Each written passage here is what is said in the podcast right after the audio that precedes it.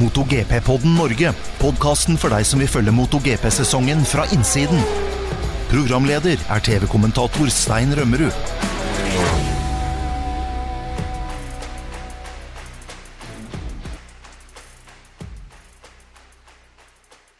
Hei igjen, alle sammen. Endelig en ny episode i MotoGP-podden Norge. Vi har fullt hus i dag. Vi har både Karoline Olsen, Thomas Sigvardsen, Dag Steinar Sundby og jeg som heter Stein Rømmerud. Det er de fire MotoGP-kommentatorene på Viaplay som eh, samles med jevne mellomrom for både å ljuge, skryte og analysere. Og i dag, Karoline, er det masse å se frem til. Det har skjedd mye siden sist? Ja, virkelig. Det er, eh, også nå med World Superbike i helga, så kjenner jeg at jeg bare kribler enda mer i kroppen etter å få sett MotoGP-starten på Qatar om drøy halvannen uke.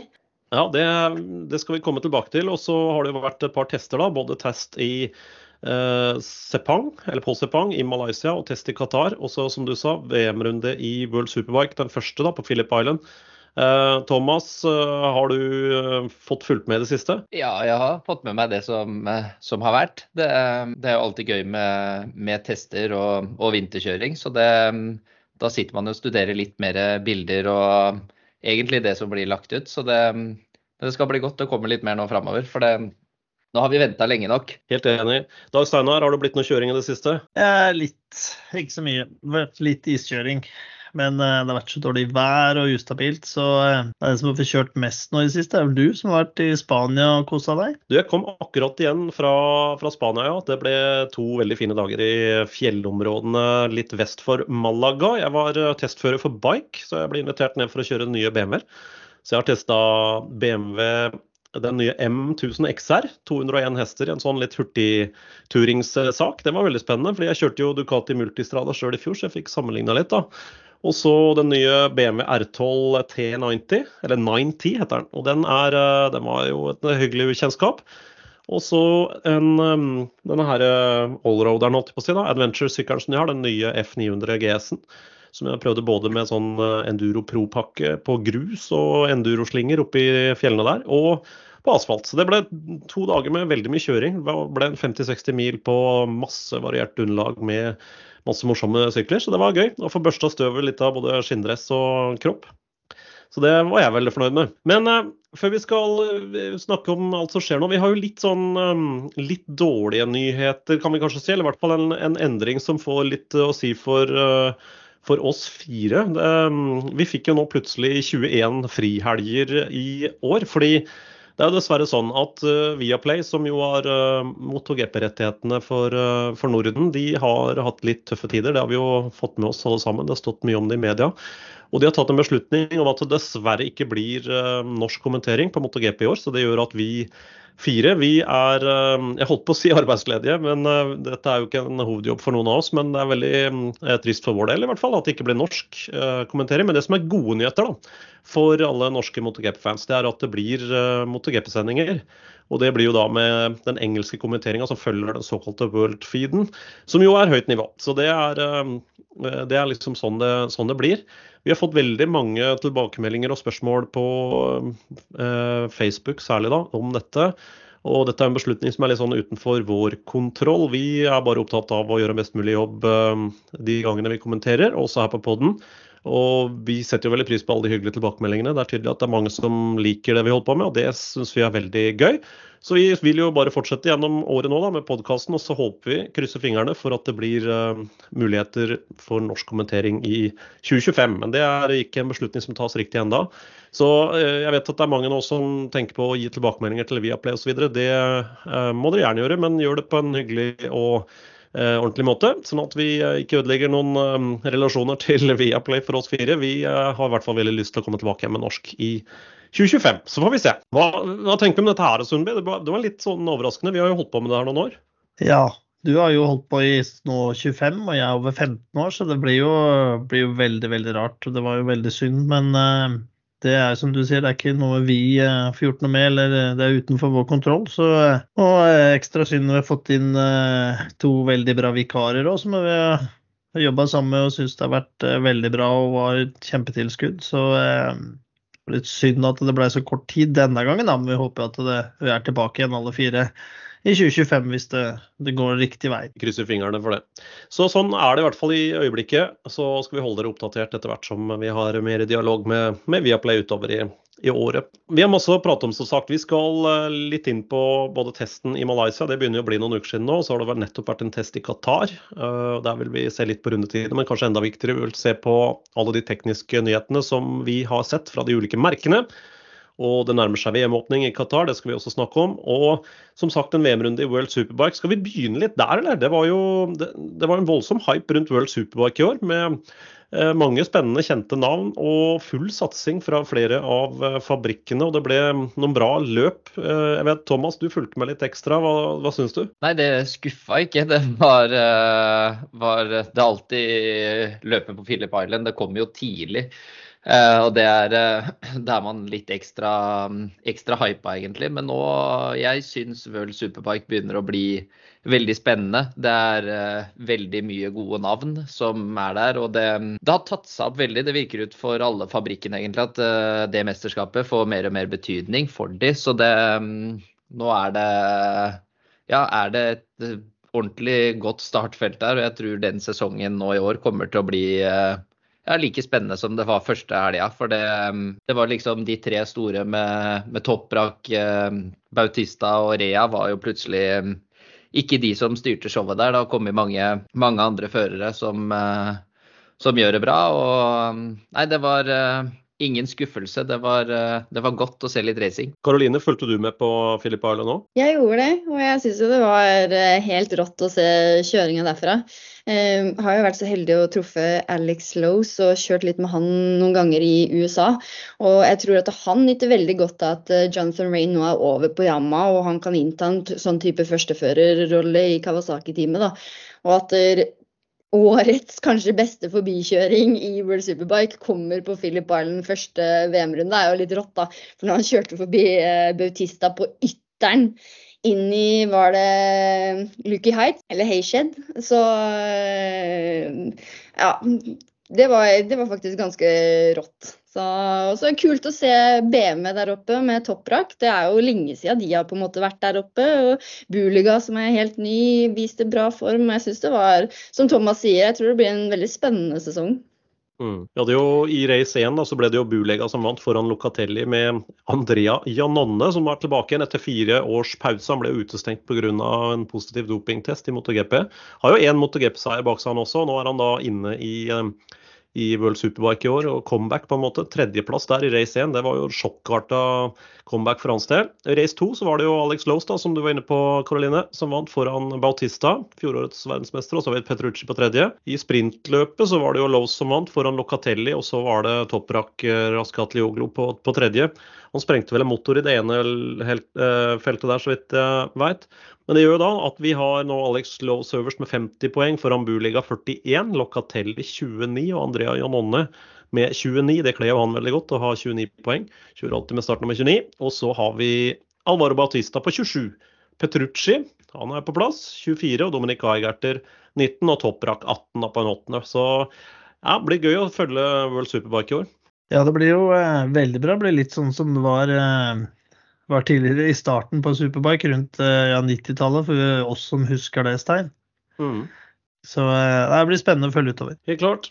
Vi skal uh, komme tilbake til litt mer World Superbike utover i sesongen også, for der er det såpass mye spennende som, som skjer. Men la oss kikke litt på testene da, i uh, MotoGP. Det ble jo først en shakedown i Malaysia, deretter en full test. Og så var det også en todagers test i Qatar som nylig ble, ble kjørt. Det er egentlig to ting vi må se litt nærmere på der. Det ene er selvfølgelig rundetidene. men men eh, Dag Steinar, hvor mye skal vi lese ut av rundetidene på sånne tester? Hva er det viktigste? Hva bør eh, MotoGP-fans eh, se etter når de sjekker ut disse testene? Ja, det er klart, sånn som MotoGP er blitt nå, så er jo når de gjør en time attack, så er jo poltida én ting er viktig, i og med at det er så viktig da å være på de to første rekkene i forhold til det det var tidligere. Det har jo blitt vanskelig å kjøre forbi med all aeroen som kom i, og det blir jo ikke noe mindre. så vi ser bl.a. på Quartararo hvordan eh, problemer han alltid hadde hvis han kvala litt bak. Men så er det jo også eh, når du kjører race-simuleringa, særlig også på, på sprintrace, så får man jo et litt visst inntrykk av, av tidene der sånn. Så da kan det variere litt i forhold til de som har de raskeste rundene, over én runde. Men Mm. klart en kvalrunde har blitt viktigere, men vi må også kunne gjøre en bra race-simulering. eh, sånn, Så det, er, det har blitt mye mer avhengig av den komplette pakka. og Det er jo det, sånn som Yama, da, som nå har en eh, freshere, bedre motor, går fortere og sånn, men de klarer ikke å omstille seg til det å få en, en bra time attack, en kvalrunde, liksom, da, som gjør, eh, gir en god plass på griden. Det er liksom en utfordring til Yama nå. og De har klart å ordne noe, men ikke alt.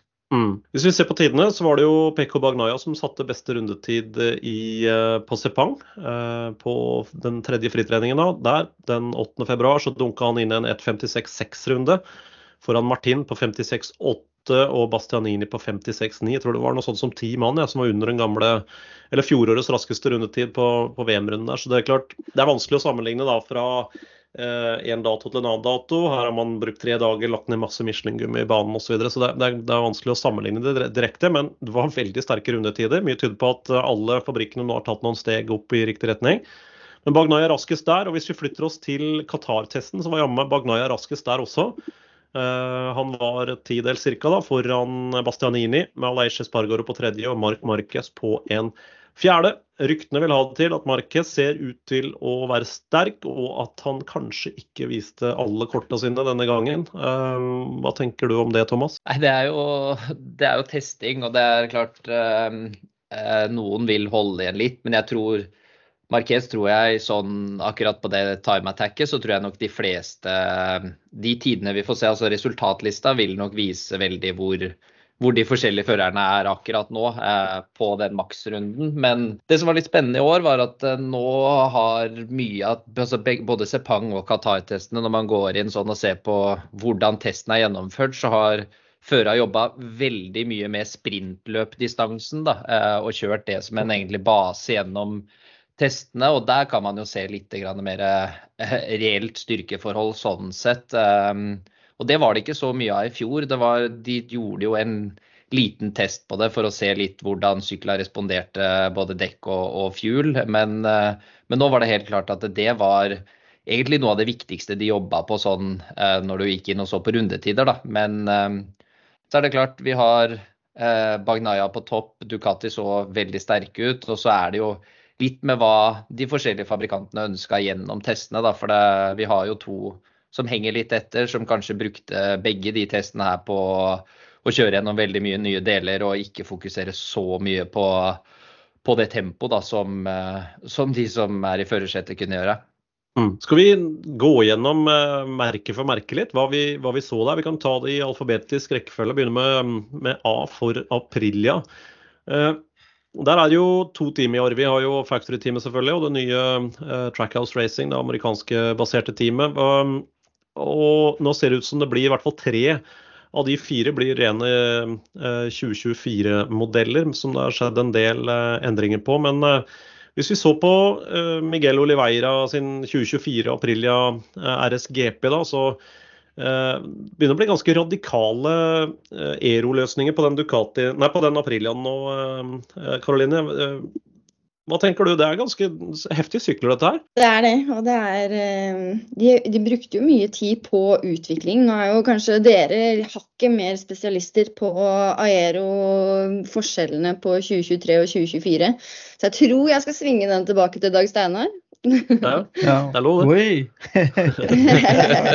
Nei, men det, er jo, det er jo eh, det vi har sett på eh, Særlig på hekken på, på Aprilia, hvor de eh, nesten litt sånn Formel 1-stuke. Det var i hvert fall helt annerledes, eh, med litt mindre vinger og sånne ting. Og så hadde vi den delen bak på, på svingarmen eh, eh, på sida av bakhjulet, da, som gjorde at det så jo faktisk litt, eh, litt nesten litt merkelig ut.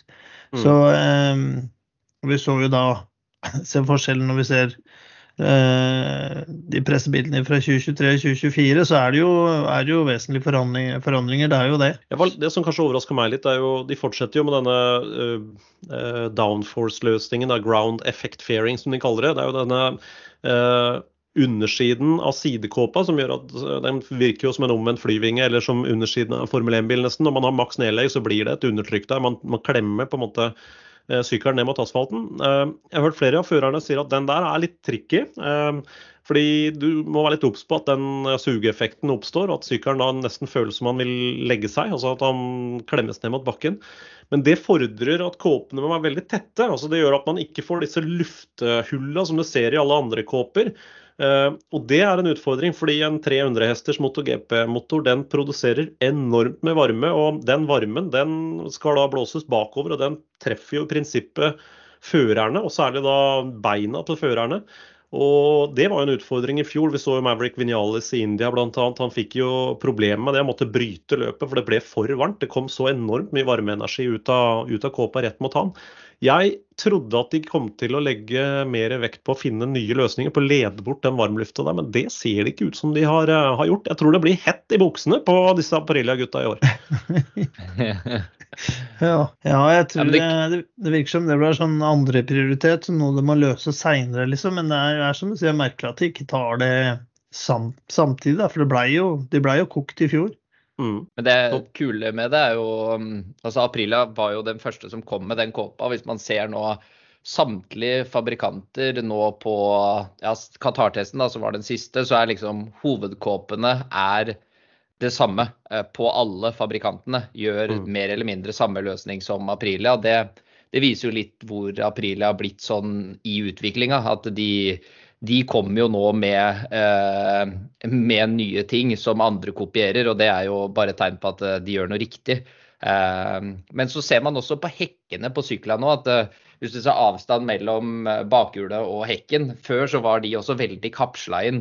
Men nytta i år er at nå er det nesten bare den sida ved eksosen som er litt tett, eller så er det mye mer åpning.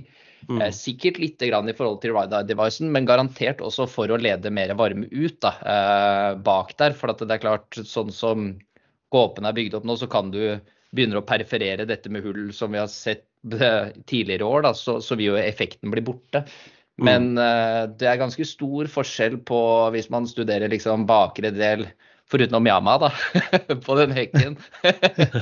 så, Vi skal komme til det, men Yama er bakerst i alfabetet, så, Thomas. Du klør i fingrene etter å sage jeg, den der hekken. Jeg gjør det. Nei da, men, eh, men, der har de gjort, og det er eh, også for å få ut den varmen. Da, for det virker ut som at eh, som du sier, at det, det har en sinnssyk sugeeffekt, men det, det virker ut som det er litt den retninga alle går nå. Og at det, det, er såpass mye positivt da, at man vil prøve å, å, fortsette med det. Og det er kult. Mm.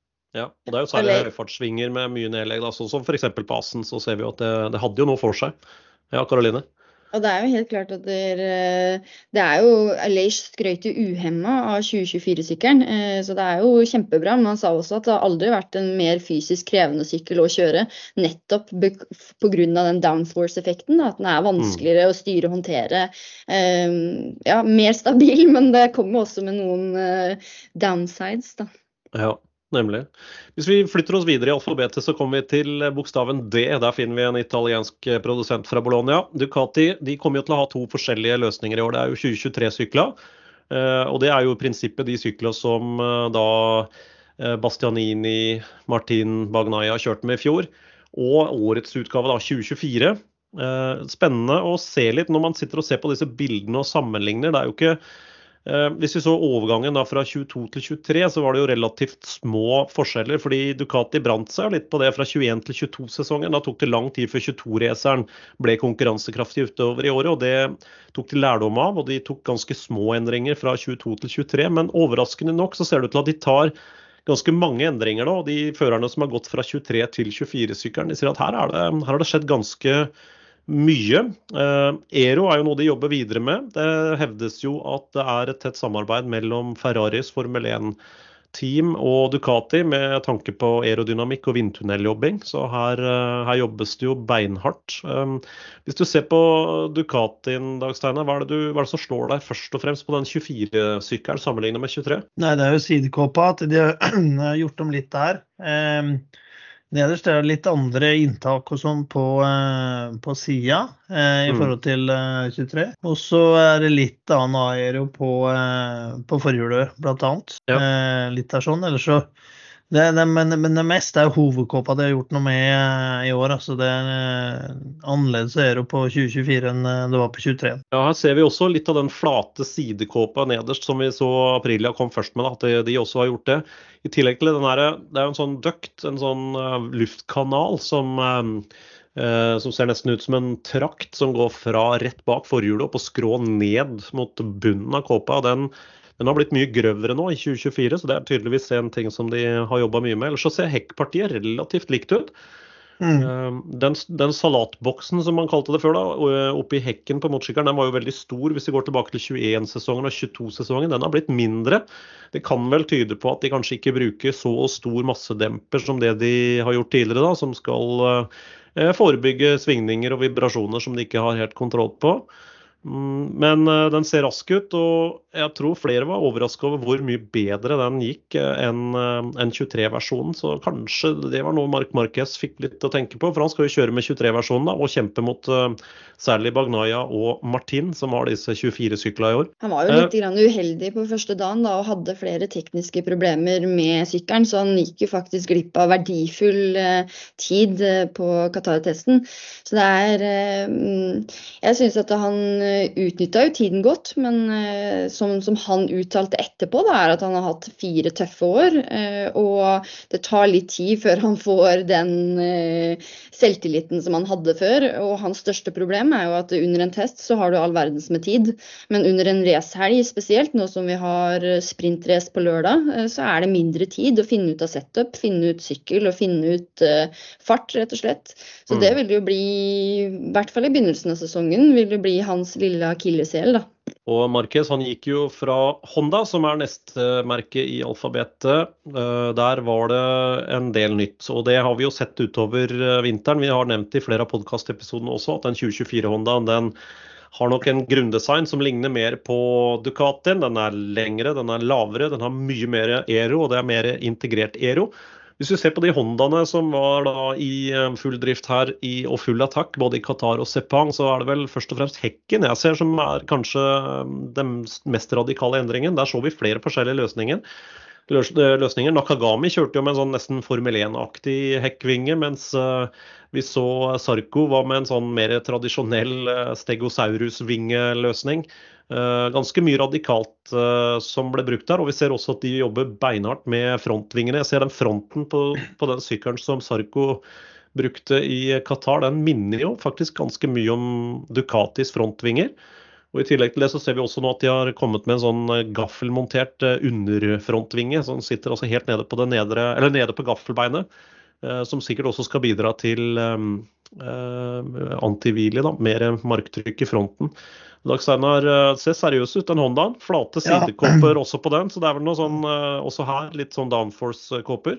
Ja, det er samme, samme prinsippet der, ser vi. Så det er, eh, det er kanskje Hondaen som vi har sett nå i de testene i år som har gjort mest, og det har blitt mest forandringer i forhold til i fjor. Så eh, det blir spennende, men de sliter fremdeles da, med det mm, grepet bak. At de eh, har ikke den driven ut som de, eh, de ønsker. Så eh, jeg vet ikke Thomas om du har hørt noe mer om, eh, om det? liksom Hvordan de har jobba der? Nei, det er det de, de fortsatt holder på med, er jo ja, For ikke å hoppe fra ene til andre fabrikanten, men, men Honda er jo en av de som altså det er klart vi på, kan se på bilder at det er sånn og sånn på, på aeroen og dømme ut ifra det, men der Honda har nok eh, jobba ekstremt mye eh, med hvordan sykkelen er å kjøre, eh, og jobber eh, vel så mye med elektronikk og chassis sånn for å, for å få det til å, til å, virke. Og så er det klart, vi så dem hadde jo av og på egentlig med mye aero. Det er jo sikkert for ikke altså bli villeda av hva, hva, den gjør for noe. Så, men det ser jo for meg så Jeg ble litt skuffa faktisk over Honda på Qatar. For jeg hadde det liksom vi så dem stelte opp med på, på Valencia etter sesongen, så så det ut som at OK, de her nå mener en virkelig alvor. Og hadde egentlig ikke regna med at noe skulle skje i løpet av et par tester, men at de tok litt mer innpå og var uh, ikke de uh, Altså, nå, nå, er det sånn god samling i bånn på alle Honda-førerne, og det, mm. det, er jeg litt skuffa over sånn ut ifra hvordan de starta da i Valencia. Men jeg tror nok de er tålmodige, og det, det må de jo. Skal de komme seg ut Mm. av den, eh, den gjørma de er i. Så de må, de må jobbe på riktig måte, og da analysere veldig mye data fra, på alle delene på sykkelen. Og så forhåpentligvis så løsner det Mm. Etter hvert. Ja, fordi De fire Honda-førerne da, under Qatar-testen de var jo nede på 17, 18, 19 og 20.-plass.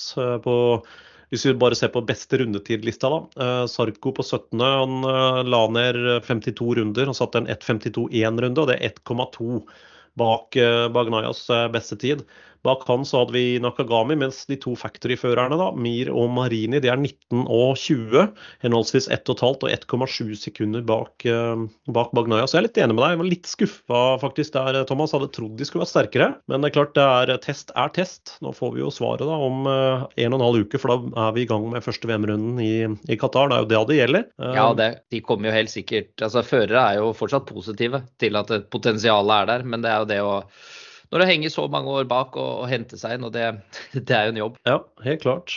Eh, hvis vi flytter oss til den forrige testen, da, som ble kjørt eh, 6.-8. februar i, i Sepang i løpet av de dagene der, hvis vi ser på siste dag, der de aller fleste satte beste, eh, beste rundetid, så var jo Mir oppe på en tiende. Eh, men bak f.eks.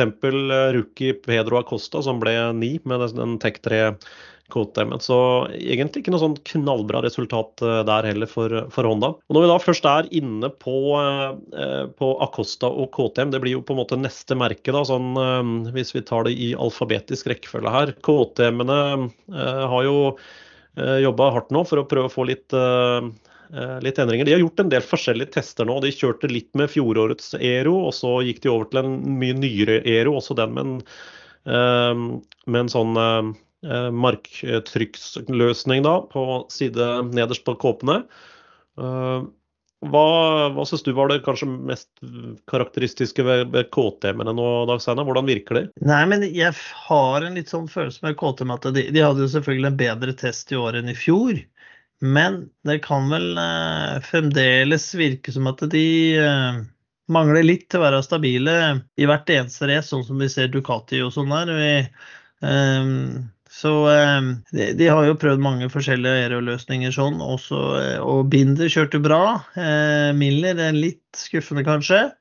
Eh, så eh, også var det vel Acosta var sånn midt på tre, mens eh, Augusto Fernandes var vel sist på, på den siste testen, tror jeg. Men eh, ja, jeg tror eh, Jeg, tror, jeg, eller jeg føler det litt sånn usikkert med, med KTM. At de eh, Enkelte baner så kommer de til å være der, og, men at ja, vi får håpe at de blir litt mer stabile, så de kan være der oppe og fighte mer med Ducati enn det, det de har gjort. Altså at vi får litt mer spennende mesterskap.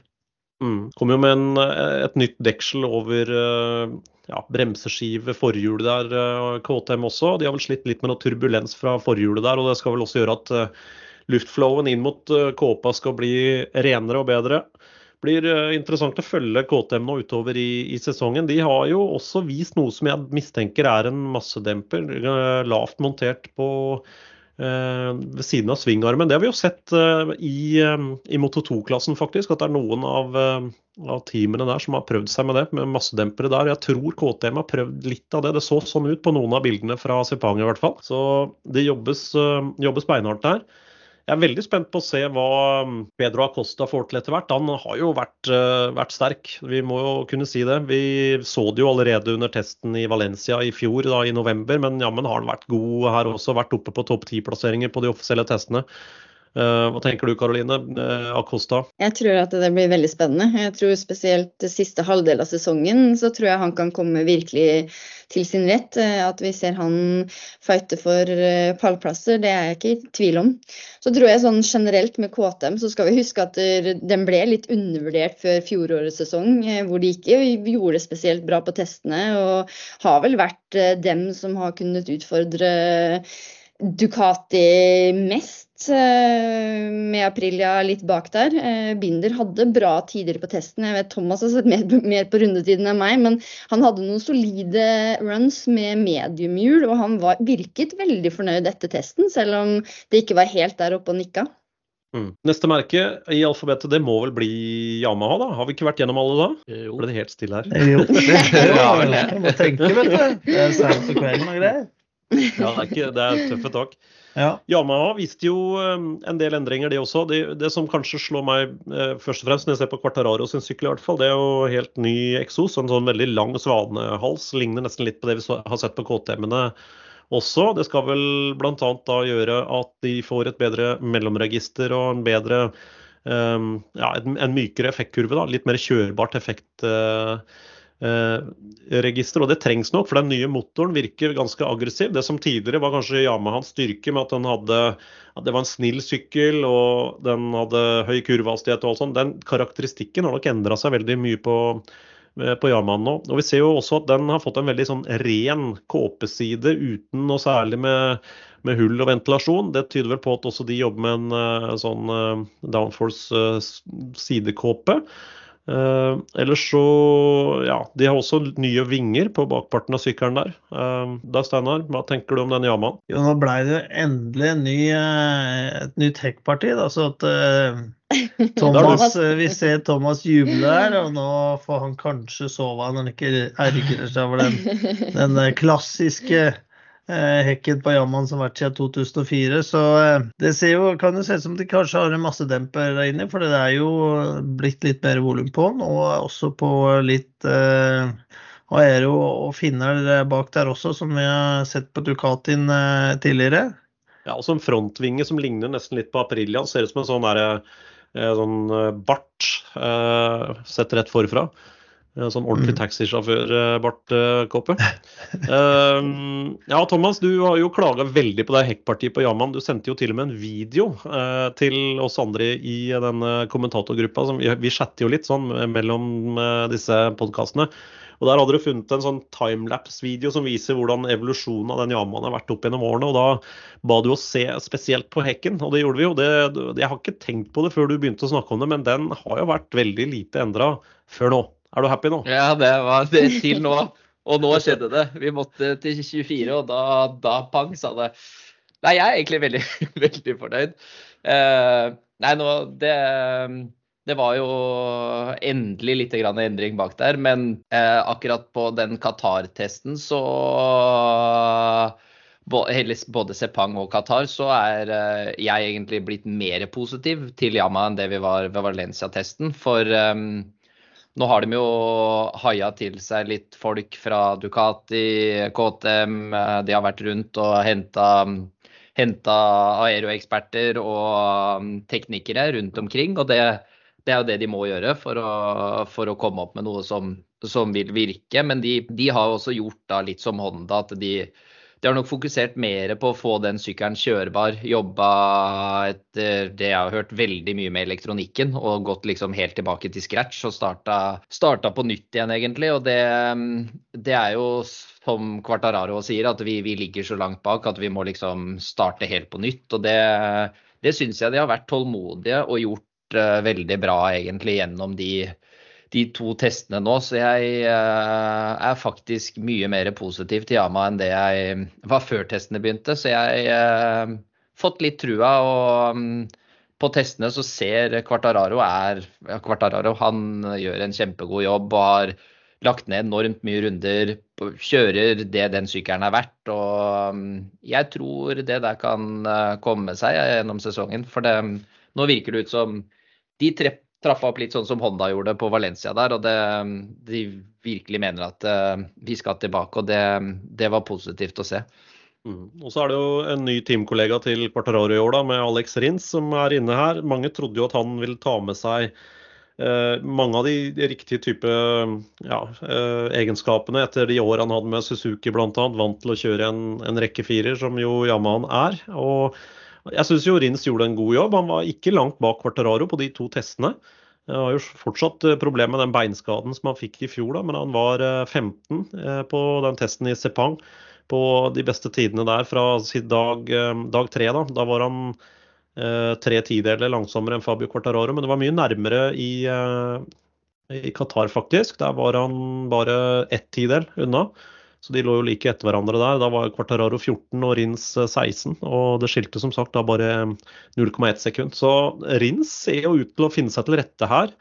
Eh, jeg er helt enig. Jeg, tror den Yamaen kommer til å bli mer konkurransekraftig i år enn det vi trodde.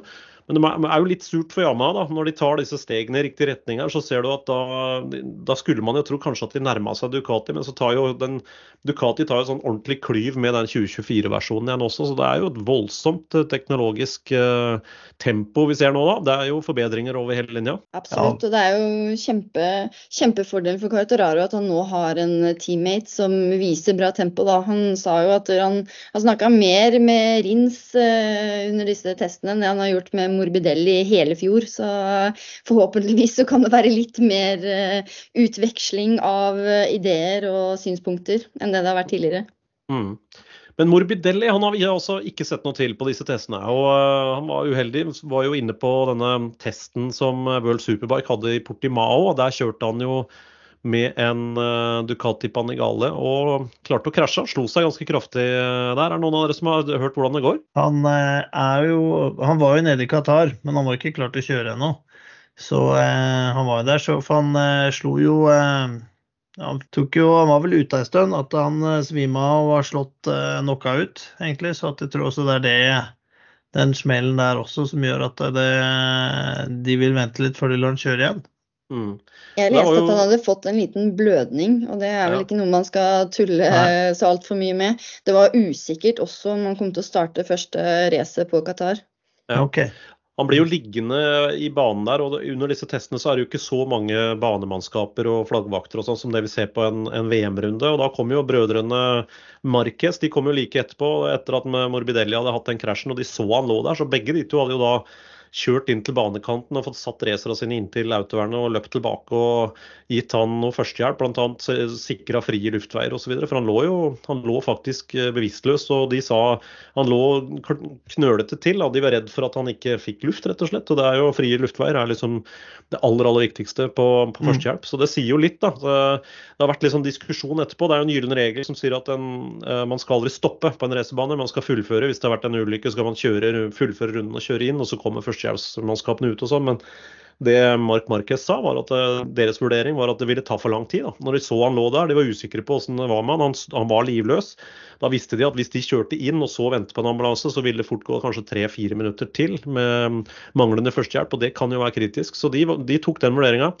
Og det skjønner jeg faktisk. Jeg opplevde det samme selv på trackdays. Uh, gjort akkurat samme vurderinga. Brutt den gylne regelen med stopping. Parkert safe og løpt tilbake og sikra luftvei. Gjort det på Rudskogen på et, um, et, opplegg der. Jeg fikk kjeft, så det holdt, men jeg mener fortsatt at det var en riktig vurdering da, for da var det en som lå i banen på akkurat samme måten. Og jeg var usikker på om han hadde frie luftveier, faktisk. Um, så det er vel det. Um, da har vi vært gjennom alle merkene, og uh, vi har sett litt på rundetider osv. Vi har vært inne på Ehm, Bagnaya som var raskest. Ducatiene ser eh, veldig harde ut nå. Ehm, men en som vi ikke har snakka så mye om, Aleish Spargoro, han virker, ganske, han virker rask nå.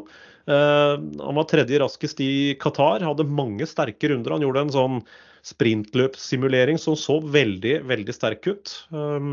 Vi, skal vi regne med Aleish i år, eh, tror du, Thomas? Ja, det tror jeg. Eh, nå hadde de levert jo litt under forventningene i fjor, men, eh, men, de har sett sterke ut. Og som vi var inne på, altså Aprila gjør veldig mye riktig nå. Og de tok jo testen på Sepang ut med ny Aero, og så leverte de den nye motoren først nå på Qatar-testen. og det det er jo litt sånn trygghetstegn fra Aprilia selv, at de mener mener at de har kontroll og ikke bare pumper på med alt nytt. Så jeg, Aprilia er, har en veldig god sykkel nå, så er det jo egentlig opp til Spargaro og, og Vinales. Da. Det er jo en merkelig duo som ikke er uh, så lett å bli klok på. For det er, uh, det er mye hjerte, og når alt klaffer, så er de jo helt der oppe. Men um, Får vi Espargaro på liksom den, eh, ja, den, sesongen han hadde da for, eh, for, et par år siden, så med den jevnheten han hadde da, så mm, Men at de er det første løpet, det er jeg helt sikker på. Mm. Men det er jo ofte det... sånn at de har vært sterke i starten på sesongen. Vi har sett når vi begynner med flyway-raca på, på, høsten, så virker det som det klapper sammen litt. Sånn har det vært de siste sesongene, at, særlig med Aleish, at han leverer ikke like bra da som han har gjort tidligere i sesongen. Men da er det jo ikke bare Leish som har svikta, det har jo vært en sånn kollektiv greie. For det har jo vært mye feil fra teamet også, hvor de har glemt å slå av diverse elektronikk og det er det ene med det andre, føler jeg. Eh, feil dekk på uh, sykkel og det.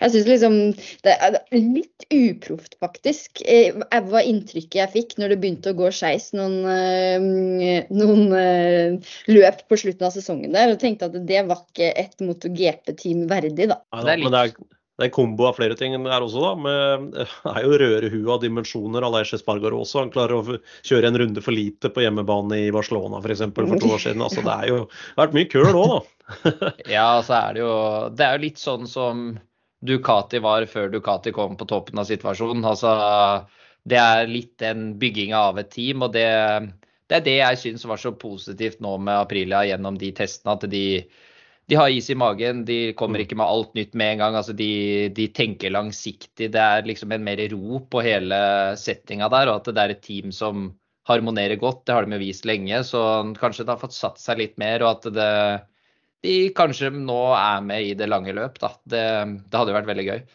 Mm. Det er jo ganske kult, da, fordi jeg føler at man hele tida har en sånn liten sånn usikkerhet rundt Elish. Hvor lenge skal han holde på? Skal han kjøre et år til, eller hva gjør han, liksom? For han mm.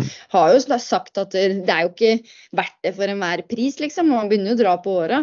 Så da syns jeg det er ekstra kult da, at han går fra en skikkelig ræva slutt på sesongen i fjor og gjør det såpass bra på testene i år. Viser at han er toppmotivert og bare gjør at vi forventer bra resultater resultater fra dem den sesongen her.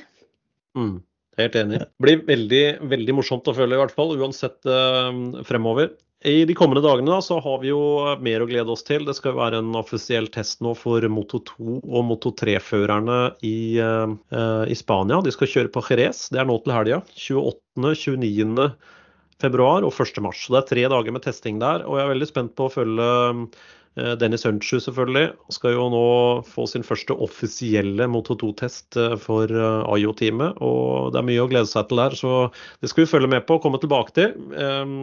Ambisjonen vår nå er jo å komme tilbake med en episode til av podkasten i forbindelse med VM-åpningen i Qatar. Eh, så dere får følge med på alle sosiale medier, så skal vi markedsføre når den episoden kommer. Vi skal eh, runde av her. Er det noe viktig dere tre brenner inne med nå som vi ikke har vært innom? Nei, det må eventuelt være Trackhouse eh, sine resultater på testen òg, som eh, også vil hjelpe Aprilia, siden vi snakka om det, da, med at Olivera også er den 2024 med Aprilia nå. Så, og Fernandes kjørte også bra. Ja, jeg tror eh, det, er, eh, det virker ut som det, det, er veldig positivt for Aprilia å ha fått inn Trackhouse der. Fordi eh, det virker ut som det er et framoverlent team som kommer til å, til å gnage på å ha det siste og være konkurransedyktig. Og det vil jo også hjelpe Factory Aprilia til å bli enda sterkere. Mm. Så jeg tror det blir veldig spennende i år å følge følge dem. Ja, og nå har jo de fått inn eh, Davide Brivio fra Han har kommet tilbake igjen. Han var jo eh, i Formel 1 og år nå for Alpine-teamet der. Kommet tilbake igjen til MotoGP nå. Blir såkalt team principal for Trackhouse Racing. Han vil jo ta med seg mye erfaring og mange viktige kontakter for Trackhouse Racing-miljøet der. De, det er jo et team som har den NASCAR-bakgrunnen de har, og mangler kanskje litt av relasjonene inn mot MotoGP-sirkuset. Men derfor veldig klokt, tror jeg, å få inn en så rutinert og ikke minst populær teamsjef som eh, Davide Bribio. Så det blir veldig morsomt å, å, følge. Med det så skal vi runde av. Som sagt, vi er tilbake i forbindelse med VM-åpningen i Qatar. Vi takker for alle positive tilbakemeldinger som vi har fått på både mail og sosiale medier den siste tiden. Vi er som sagt da klare for en ny VM-sesong. Det braker løs nå hvert øyeblikk i Qatar, altså den andre helga i mars. Og med det så takker eh, vi fire for oss. Karoline Olsen, Thomas Sigvartsen, Dag Steinar Sundby og jeg som heter Stein Rømmerud. På gjenhør. Du har hørt MotoGP-podden Norge med programleder Stein Rømmerud.